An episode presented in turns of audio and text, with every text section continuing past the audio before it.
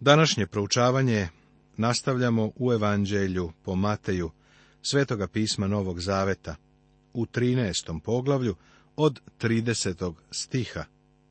I govorimo o priči o gorušićinom semenu. Ova priča predstavlja drugu vrstu semena. Drugu im priču izloži govoreći. Carstvo nebesko je slično gorušićinom zrnu, koje čovjek uze i poseja na svojoj njivi. Ono je doduše manje od svih semena, ali kada izraste, veće je od zelja i biva drvo, tako da ptice nebeske dođu i gnezde se na njegovim granama. Malo je verovatno da je gorušičino seme simbol crkve ili hrišćanina pojedinca. Obično se za prikaz vernika koristi plodonosno drveće. Gorušica je začin i nema hranljivu vrednost. Ona nije žitna klica puna vitamina. Jednostavno je samo dobra na viršlama i hamburgerima. Gorušica nije hrana na kojoj bi mogao živeti. Gorušićino zrno ne uzrasta u silnu hrastovinu kao žir. To je žbun koji najbolje uspeva u pustim predelima. Gorušićino seme je najmanje od svih semena.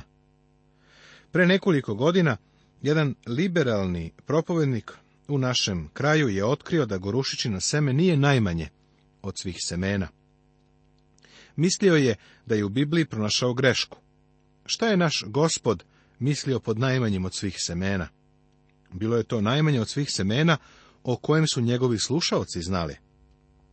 Kako ja to razumem, to je najmanje od svih semena u kategoriji biljaka kojima pripada gorušica.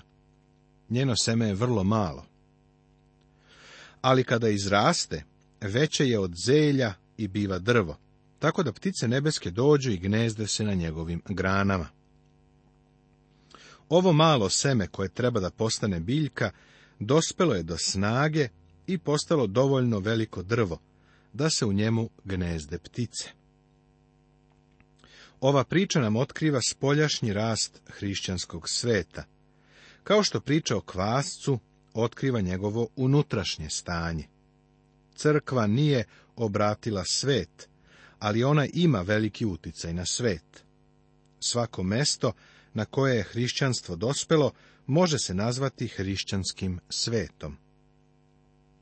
Ova priča nam otkriva spoljašnji rast organizovane crkve. Crkva i svet su se užasno izmešali. Između čoveka u crkvi i čoveka u svetu nastala je prava integracija. Oni danas vrlo slično žive, slično se ponašaju. Hrišćani u svetu treba da budu so, a ne gorušica. Ptice nebeske dođu i gnezde se na njegovim granama. Pre dosta godina slušao sam kako jedan liberalni teolog tumačio ptice kao različite denominacije. Govorio je o baptističkim pticama, o prezviterijanskim pticama, o metodističkim i svim ostalim crkvenim grupama kao pticama.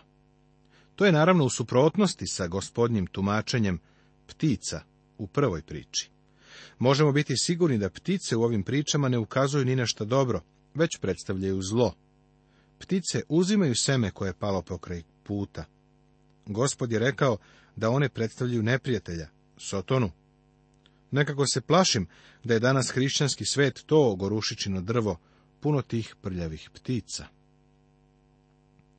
Priča o kvascu Priča o kvascu je ključna priča u ovom poglavlju. Dozvoli mi da ti pomognem da shvatiš njenu važnost. Pre svega, Evanđelje po Mateju je ključna knjiga Biblije. Drugo, 13. poglavlje je ključno poglavlje Evanđelja po Mateju. I treće, stih 33. je ključni stih 13. poglavlja. Tako u stvari, ono što sada ovdje jeste, imamo ključni stih Biblije. Zapazi sada to veoma važno učenje u ovom stihu. Drugu priču im kaza. Carstvo nebesko je slično kvascu, koji žena uze i pomeša u tri sata brašna, dok sve ne uskisnu. Carstvo nebesko je slično kvascu, ali ne zastaje tu, koji žena uze i pomeša u tri sata brašna. Šta predstavlja kvasac?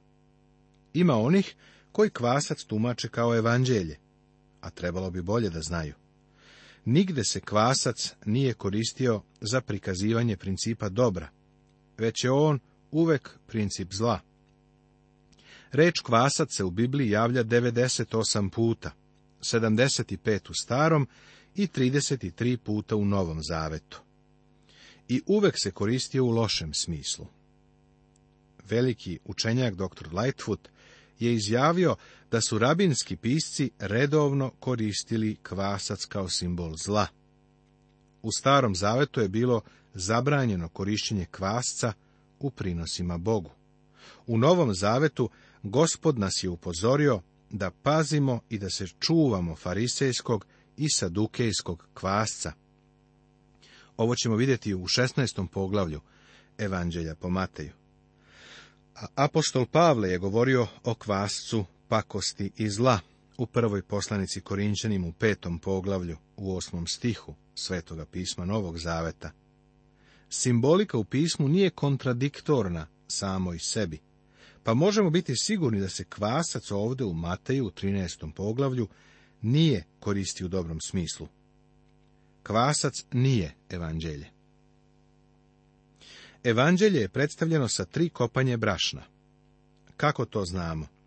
Jer je brašno načinjeno od žita ili semena, a gospod nam je već rekao u paraboli o sejaču da seme predstavlja Božju reč.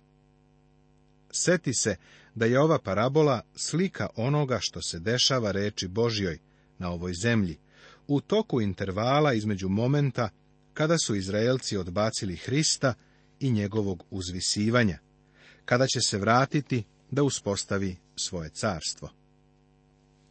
Zapazi šta se dešava Božjoj reči, koja je predstavljena brašnom. Dolazi žena. Nadam se da će mi žene oprostiti što ukazujem na ovo a kada se u Svetom pismu u doktrinarnom smislu koristi žena, ona se koristi kao princip zla. Ona uzima kvasac, sakriva ga u brašno. Kada bi kvasac predstavljao evanđelje, zašto bi ga onda ona krila? Evanđelje treba da se proglašava sa krovova i da se objavljuje do samih krajeva zemlje. Očito je kvasac princip zla, a žena ga stavlja u brašno koje predstavlja evanđelje, Božju reč. Izvesno je da ovo danas vidimo u stvarnosti. Ne postoji kult ili neki izam koji zanemaruje Bibliju. Uviđam da Bibliju koriste čak i oni koji obožavaju đavola i demone. Lažni učitelji svake vrste stavljaju kvasac u brašno, u Božju reč. Šta kvasac radi? Pa, kvasac je materija koja se koristi da izazove fermentaciju. Kad se stavi u testo, testo naraste. Čini i da je ukusno.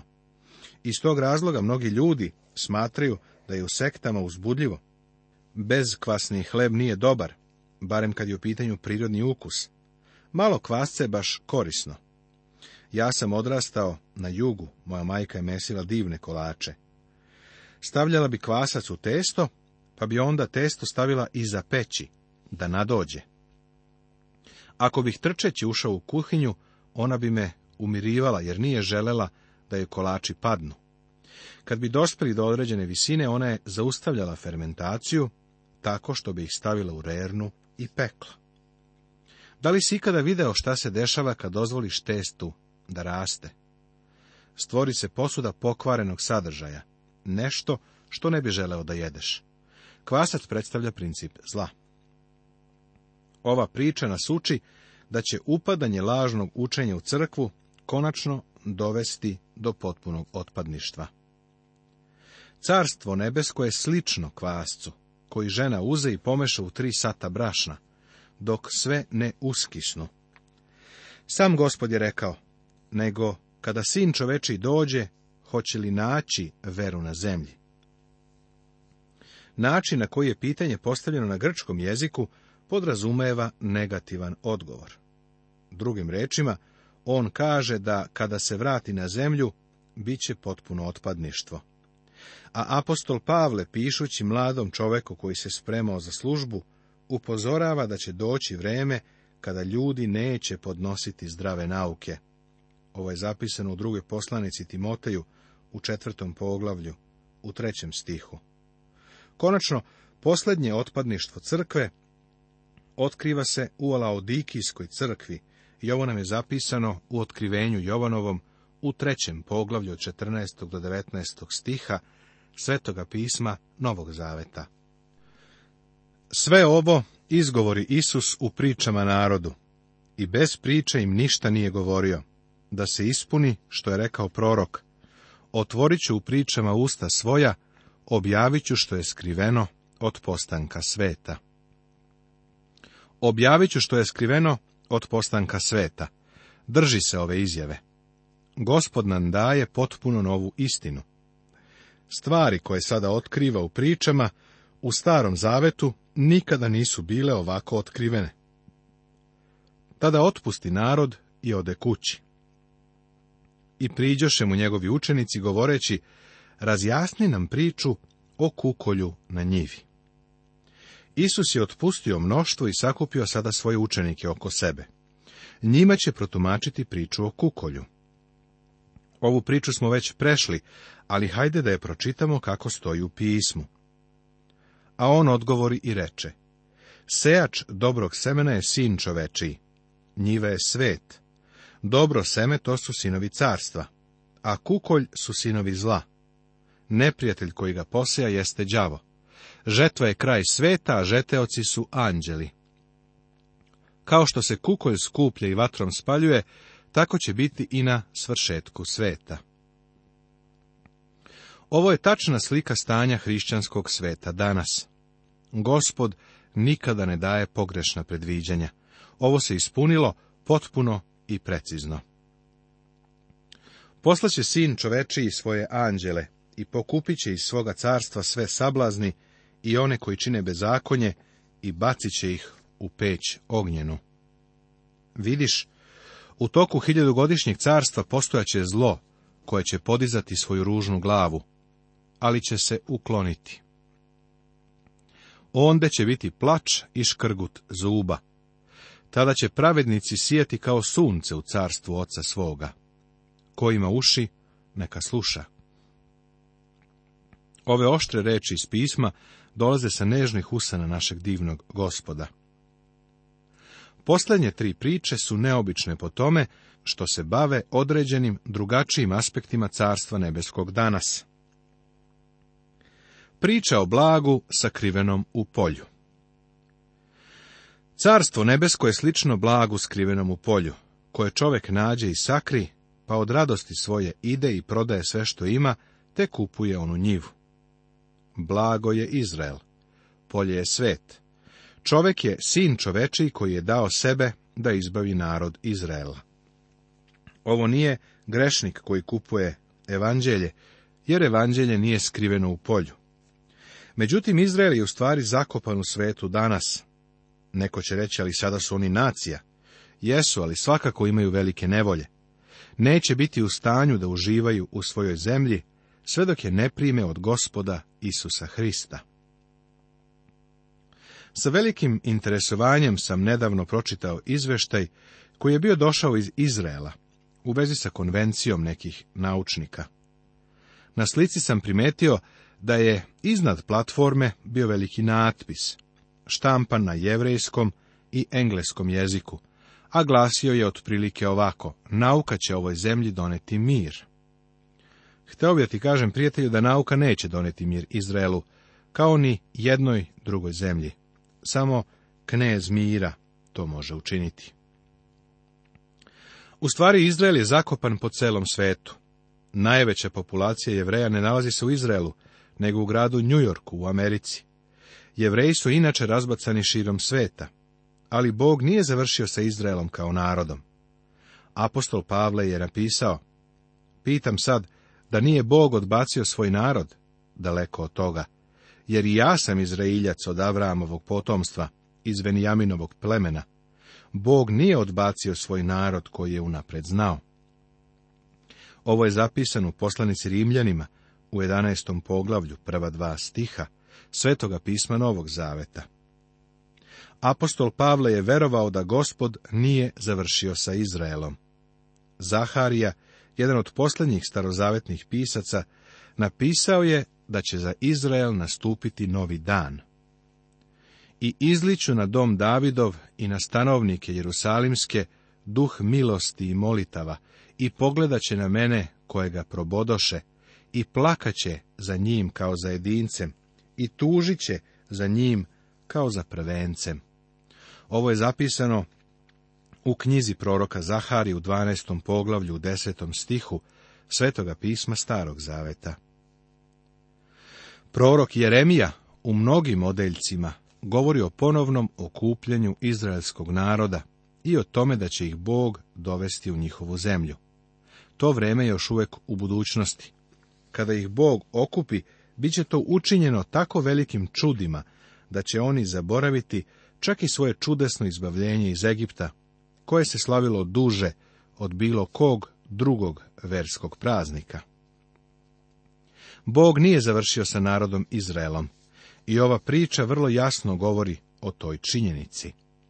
Izrael je blago sakriveno u polju, a Hristos je onaj koji nađe i sakri, pa od radosti svoje ide i prodaje sve što ima, te kupuje onu njivu. U stvari on je dao sebe da bi izbavio taj narod. Gospod ih je kupio sobstvenom krvlju, baš kao što je kupio tvoje i moje spasenje prorok Zaharija piše o očišćenju koje će se desiti u vreme Hristovog povratka na zemlju. U taj će dan biti otvoren izvor domu Davidovu i stanovnicima jerusalimskim za greh i za nečistotu. Ovo je zapisano u knjizi proroka Zaharije u 13. poglavlju u prvom stihu Svetoga pisma Starog Zaveta. Priča o skupocenom biseru Carstvo nebesko je slično i trgovcu koji traži lepe bisere. A kad nađe jedan skupoceni biser, ode i proda sve što ima i kupi ga. Popularno tumačenje ove priče je da je grešnik trgovac, a da je skupoceni biser Hristos. Grešnik proda sve što ima da bi mogao kupiti Hrista. Jedna pesmača kaže, našao sam biser velike vrednosti, zato moje srce peva od radosti, Pevati moram jer Hrist je moj, Hrist će moju pesmu čuti. Ja ne mogu da prihvatim ovo tumačenje. Odbacio sam ga kao nevredno ozbiljnog razmatranja. Počeo bih sa pitanjem, ko traži dobre bisere? Da li grešnici traže spasenje? Moja Biblija ne govori tako, niti je to bilo moje iskustvo u službi. Grešnici ne traže spasenje. Trgovac ne može biti grešnik, jer on nema čime bi platio. Pre svega on ne traži Hrista, a i da je tražio, kako bi mogao da ga kupi? Trgovac prodaje sve što ima. Kako grešnik može prodati sve što ima, kad je mrtav u prestupima i gresima? Zatim, sveto pismo vrlo jasno pokazuje da Hristos i spasenje nisu za prodaju. Spasenje je dar, jer Bog je tako zavoleo svet, da je svog jedinorodnog sina dao, ko veruje u njega da ne propadne, nego da ima večni život. Ovo je zapisano u Evanđelju po Jovanu u trećem poglavlju, u 16. stihu, Svetoga pisma Novog Zaveta. Bog je tako voleo da je dao. U poslanici Rimljanima u šestom poglavlju piše da je blagodatni dar Božiji večni život u Hristu Isusu, gospodu našem. Ispravno tumačenje ove priče nam otkriva da je Hristos trgovac. On je ostavio svoj nebeski dom i došao na ovu zemlju da pronađe skupoceni biser. Našao je izgubljene grešnike i umro za njih, prolivši svoju dragocenu krv. Prodao je sve što je imao, da bi nas otkupio i izbavio Bogu. Apostol Pavle je ovo rekao Korinčanima. Jer vi znate blagodat gospoda našega Isusa Hrista, da je on, budući bogat, postao siromašan vas radi, da se vi obogatite njegovim siromaštvom. On nas izbavlja Bogu, On nas je otkupio. Hajde da za trenutak pogledamo biser. Biser predstavlja crkvu. Biser nije kamen kao dijamant, njega formira živi organizam. Zrnce peska ili neka druga strana materija upadne u školjku malog morskog stvorenja ono mu smete i šteti mu. Reakcija organizma je ta da luči tečnu masu koja oblaže tu stranu materiju. Tečnost se gradi sve dok se ne formira biser, ne rubin ili dijamant, nego divni beli biser. Formiran je bez dodira. Onog trenutka kada ga isečeš, ti ga i uništiš. Izraelci biser nikada nisu smatrali naročito vrednim. Nekoliko biblijskih stihova daje takav utisak. Na primjer, u knjizi proroka Jova biseri su svrstani u red sa koralima. Kada je Hristos koristio izraz dragocenog bisera, verujem da su se njegovi učenici tome čudili. Orientalni ljudi su biseru davali simboličko značenje bezazlenosti i čistote i smatrali su da pristaje samo carevima i vladarima. Imajući u glavu ovu informaciju, u našoj sljedećoj emisiji ćemo ponovo pogledati ovu priču. Nastavit će se